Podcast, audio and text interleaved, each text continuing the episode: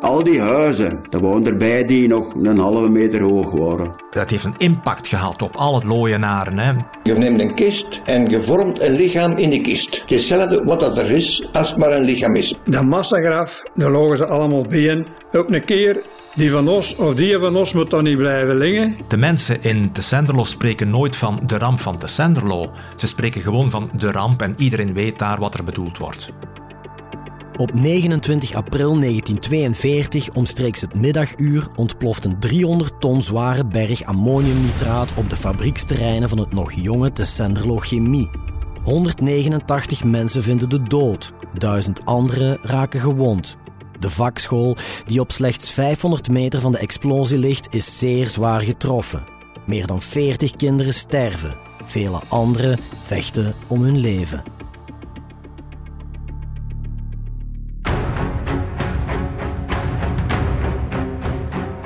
Van de Bijbelse apocalyps tot Hollywoodfilms over allesvernietigende catastrofes. Al sinds het begin der tijden rijgt de mensheid haar bestaan aan elkaar met rampspoed, in alle mogelijke vormen en gedaantes. Onbedwingbare natuurkrachten zijn vaak de oorzaak. Maar ook het handelen van de mens zelf ligt dikwijls aan de basis van dodelijke rampen. Denk maar aan ontelbare oorlogen, of aan de miljoenen slachtoffers van branden, explosies en andere noodlottige ongevallen met een fatale afloop. Onze provincie blijft niet gespaard, zo zal u merken in deze reeks over Limburgse rampen. Telkens opnieuw nemen we u mee naar de plek van het onheil en reconstrueren we minuut na minuut het hele gebeuren, samen met zij die erbij waren. Ik ben Geert op Teinde en ik ben graag uw gids in het rampenplan. Apocalyps in Tessenderlo, deel 2. Onmenselijke taferelen. Dat is uh, gebeurd zonder dat wij één geluid gehoord hadden. Zonder, zonder iets uh, lagen wij onder de bank. Toen horen wij de broeder nog roepen, die in de les ontgeven was. Blijven liggen, want er komen er nog. Die persoon, die was, uh, ben al zeker van dat dat een, een bombardement zou geweest zijn van de geallieerden. En wij dachten dat ook. En dat ze die bommen mismeten hadden en die op de vakschool terechtkwamen. We zijn er natuurlijk niet lang blijven liggen en zijn rechtgekropen, maar we zagen niets. Maar ook niets, want dat, uh, het plafond boven ons, waar ook klaslokalen waren, waar ook leerlingen waren, die zijn gedeeltelijk uh, verschillende naar beneden gevallen.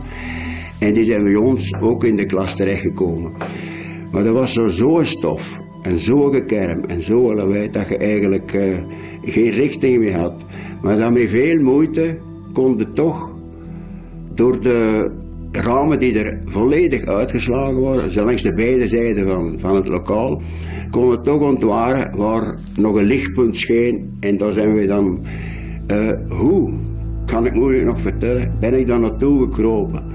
Geklauterd. Er waren balken naar beneden gekomen. Je kunt dat niet beschrijven, want je zag eigenlijk niks. Totdat we aan die raam gekomen zijn.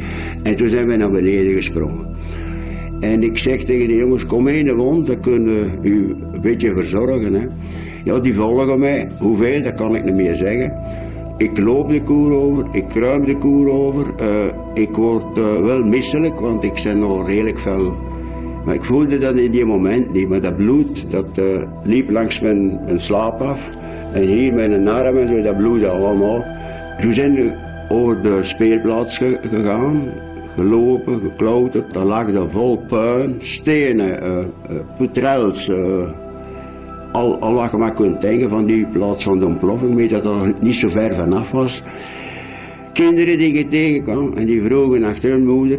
Het was moeder niet gezien, hebben de vader niet gezien. Mensen die van de fabriek afkwamen, allemaal in shock. Want die mensen waren allemaal zo suf, suf als toen zie ik de volledige vlakte. Alles lag daar zo plat, zo plat, zo plat. Fabriek. Alleen de schouwen stonden nog. Maar al die huizen, er waren erbij die nog een halve meter hoog waren. Aan het woord is René van Tiene, een van de getuigen in De Ramp van Tessenderlo, een docufilm die Eddy van de Poel uit Paal in 2009 draaide. René is op het moment van de explosie een van de leerlingen in de vakschool, op nog geen halve kilometer van de fabriek. In die school vallen tientallen doden, van wie liefst 45 kinderen. De weinige getuigen die vandaag nog in leven zijn, zijn 80 jaar na dato nog steeds zwaar onder de indruk. U hoort historicus Mark Bertrands, die voor de film enkele overlevenden van toen interviewde. Ja, die spreken van een complete ravage, terwijl ze door de, de dienstdoende leerkrachten uh, de, de, het bevel kregen van te blijven liggen. Want in een van die getuigenissen is te horen, er komen er nog. Men dacht in eerste instantie, het, is, het gaat hier om een bombardement, het was oorlog.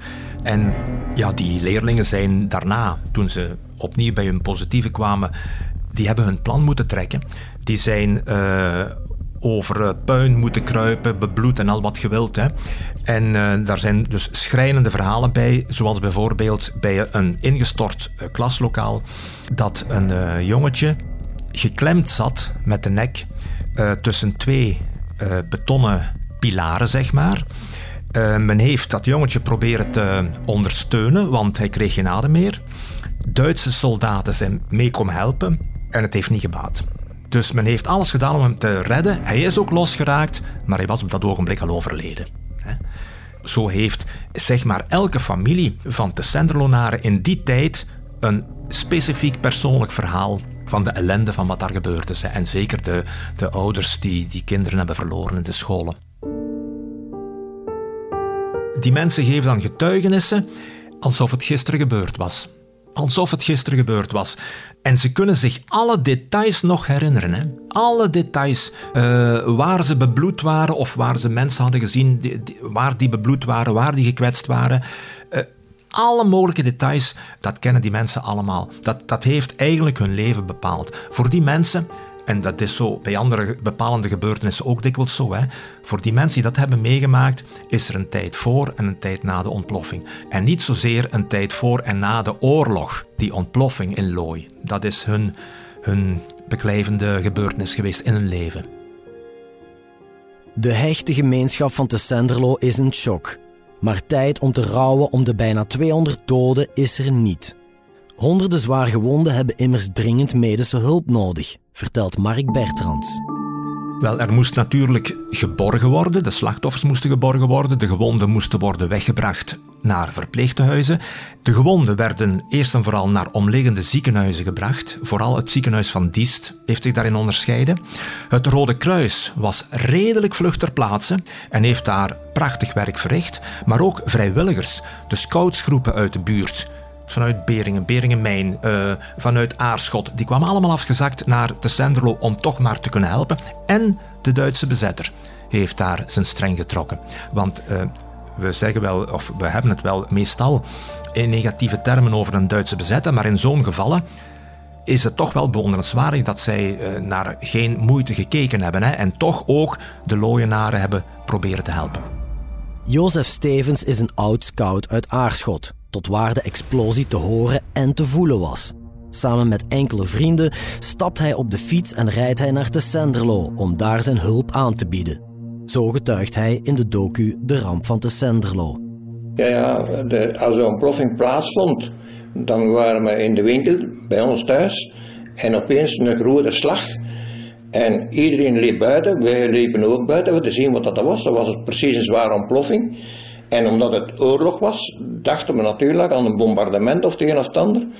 De mensen stonden allemaal op straat te kijken. De ruiten vlogen van grote magazijnen, die vlogen aan Dingelen, hier in Aarschot. En wij waren verbaasd en niemand wist wat er gaande was. Dan natuurlijk uh, kwamen de gesprekken los. En dan, smiddags hoorden we dat er een ontploffing geweest was in de Zenderloe. En als oud-schout wij kwamen nog tezamen altijd bij kameraden, direct op mijn vlog gesprongen en naar de vrienden gereden. En ik zeg, mannen, dat gehoord en de Senderlo moet het geweest zijn. Ja, willen we dat zin rijden? We reden naar de Senderlo. Met een man of zeven, oud scouts. En naar de Senderlo gereden, daar kwamen we aan. Echte chaos. Wat een vernieling. Brokstukken overal op de steenwegen en alles. Niemand kon door of wat. We worstelen ons dat toch door en we kwamen aan de kerk en er stonden een hele hoop mannen samen ontpraten. We hoorden direct dat waren de notabelen van de gemeente. En uh, die mensen die waren werkelijk ontcoördineren, proberen iets in gang te brengen.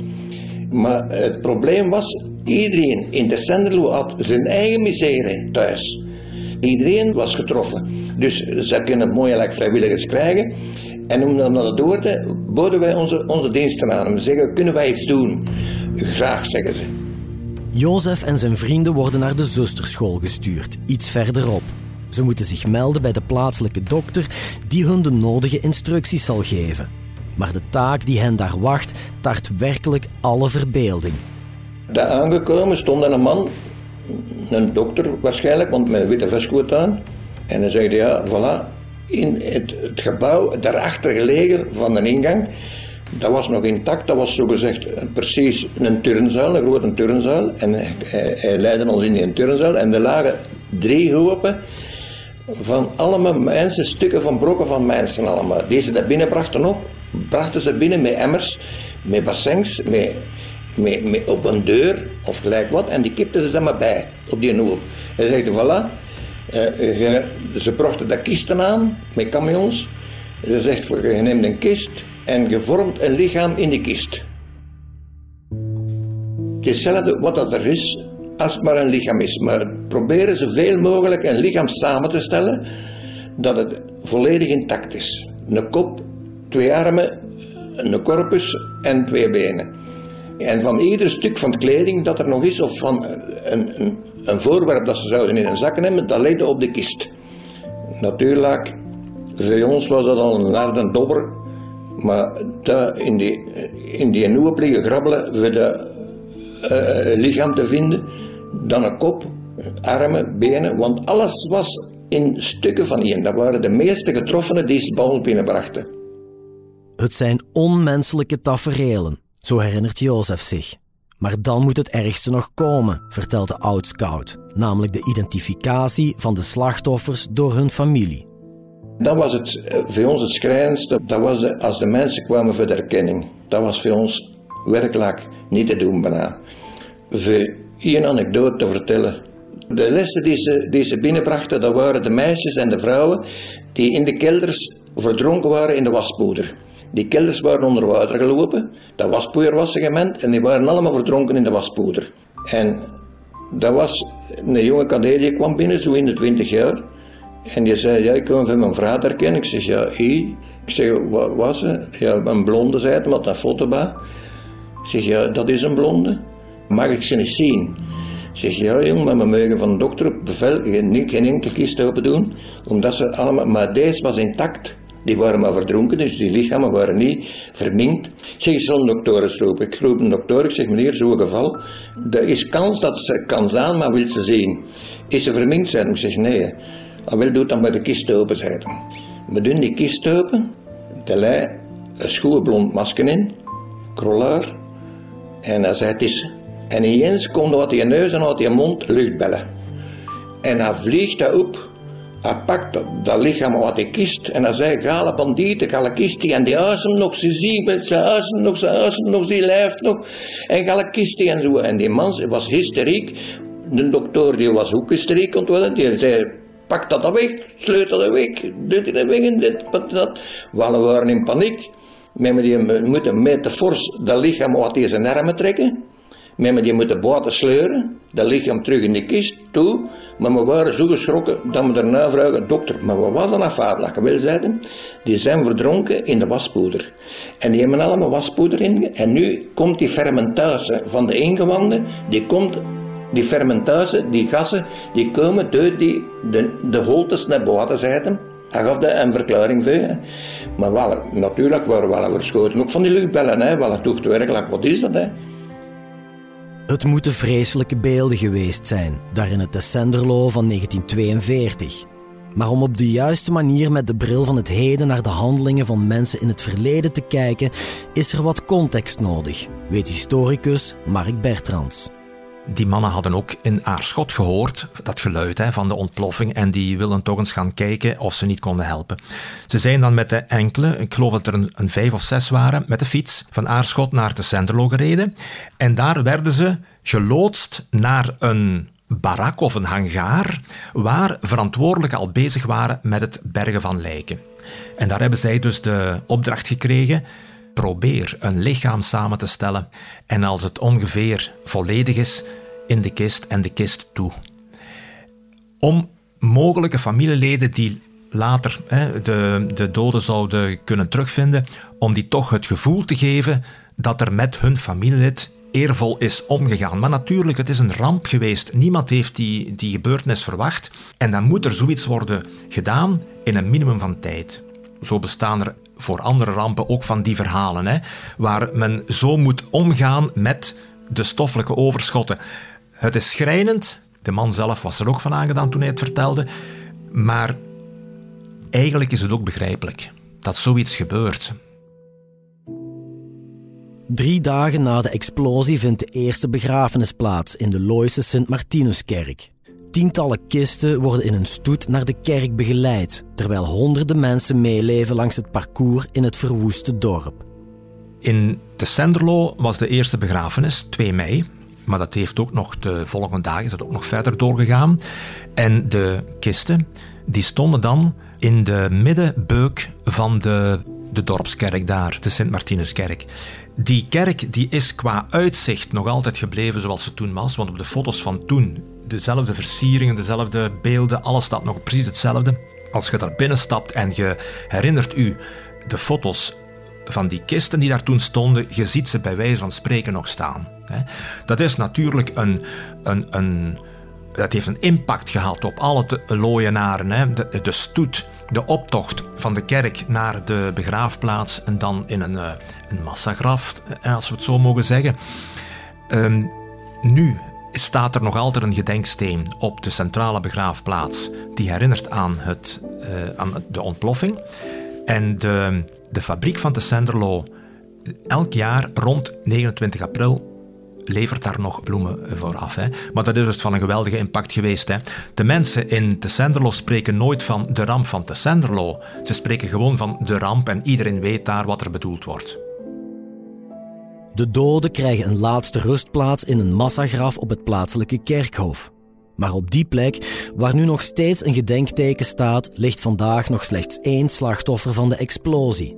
Alle anderen zijn later herbegraven, iets waar niet iedereen over te spreken is. Zoals Emiel van Tiene, die twee broers verloor in de ramp. Dat massagraf, daar logen ze allemaal binnen. Dat was gewoon al wat dat je wilt. Op een keer, wie dat, dat geweest is, dat weet ik niet. En wie dat dat toegestaan heeft, dat weet ik ook niet. Die van ons, of die van ons, moet dan niet blijven liggen opgegraven en op een andere plek op kerkhof gelegd. Die hadden een duur. Pier en Paul, die van ons moeten dan niet blijven liggen, die van ons moeten en een duur was ook, als jongens moeten ook niet blijven liggen. En we zijn nog eens een poot geleerd dat er hij nog één ligt, hè. Ene. Zoiets, dat, dat, dat mocht niet, dat mocht niet volgens mij. Ik heb altijd spijt van gehad. En nog. Nu de uitvaart van de slachtoffers achter de rug is en de gewonden in de ziekenhuizen herstellen, gaat de wederopbouw van Tessenderlo van start. Er wordt een nieuwe wijk gebouwd, de Steendries, waar een zestigtal huizen onderdak moet bieden aan de zwaarst getroffen looienaren. Ook de fabriek wordt weer opgebouwd, maar vreemd genoeg opnieuw pal naast het dorpscentrum, vertelt geschiedkundige Mark Bertrands. Het rare na de ontploffing is dat de fabriek van Tessenderlo op exact dezelfde plaats is heropgebouwd als voorheen. En dat doet toch vragen reizen. We zouden kunnen zeggen, waarom probeert men nu niet de fabriek te draineren naar bijvoorbeeld het Albertkanaal, naar het industriecentrum, dan is het verder gelegen van het dorpscentrum en kan zoiets niet meer gebeuren. Maar daar ziet je aan hoe hecht de looienaren verbonden waren met hun werkplaats. Uh, die fabriek was hun levensverzekering, hun, hun dagelijks werk. En zij wilden zo dicht mogelijk bij hun werk horen. En hebben, er waren plannen hè, om eh, de fabriek te verhuizen naar het Albertkanaal. De bevolking zelf van Tessenderlo heeft het geweigerd. Zij wilden het opnieuw op dezelfde plek, naast het dorpscentrum. 189 doden, 1000 gewonden. Als vandaag een dergelijke ramp zou gebeuren, zou dat wereldnieuws zijn. Dat was het destijds niet. Meer nog, de ramp van Tessenderlo is er allesbehalve één die in ons collectieve geheugen zit. Dat lijkt vreemd, maar dat is het niet, zegt Mark Bertrands. En dat heeft alles te maken met de historische context waarin de ramp plaatsvond. De Tweede Wereldoorlog heeft in feite alles overschaduwd. Dat was het grote thema waarin de mensen dagelijks leefden. Of ze nu aan het front leefden of in de bezettingstijd. Hè, wanneer er dus niet meer werd gevochten, maar wel bezet werd. Maar uh, ja, daar is de ramp van Centrum maar één feit van. Eén feit, hoe dramatisch het ook voor de Looienaren en de omliggende uh, dorpen is geweest. Het is vandaag 80 jaar geleden dat de letterlijk op zijn grondvesten daverde. Maar hoe lang het ook geleden is, toch blijft de impact van de ramp tot op de dag van vandaag voelbaar aanwezig. Ik geloof dat het was in 2018, dus dat is nog niet zo lang geleden, heeft men ter hoogte van de wijk De Steendriezen in Tessenderlo nog een, een, monumentje geplaatst dat herinnert aan die uh, ontploffing. En eerst was er een samenkomst voor die inhuldiging van dat monument. Een samenkomst in het gemeentehuis. En wel, die zaal die zat nog altijd vol. Hè. De mensen in Tessenderlo die willen dat meemaken. We hebben toen ook nog een stukje van de documentaire vertoond. En dan, dan, dan komt alles terug boven. Hè. En dan moet je weten, dat thema, dat is al heel vaak gebruikt geweest in Tessenderlo zelf ook. Hè. Daar zijn verschillende boeken over geschreven. Vanaf broeder Max, die in der tijd in Tessenderlo bekend was, die heeft erover geschreven. Maar vele jaren later ook. En toch, dan worden die beelden getoond en dan verrassen die nog altijd. Ook voor de mensen die dat hebben meegemaakt.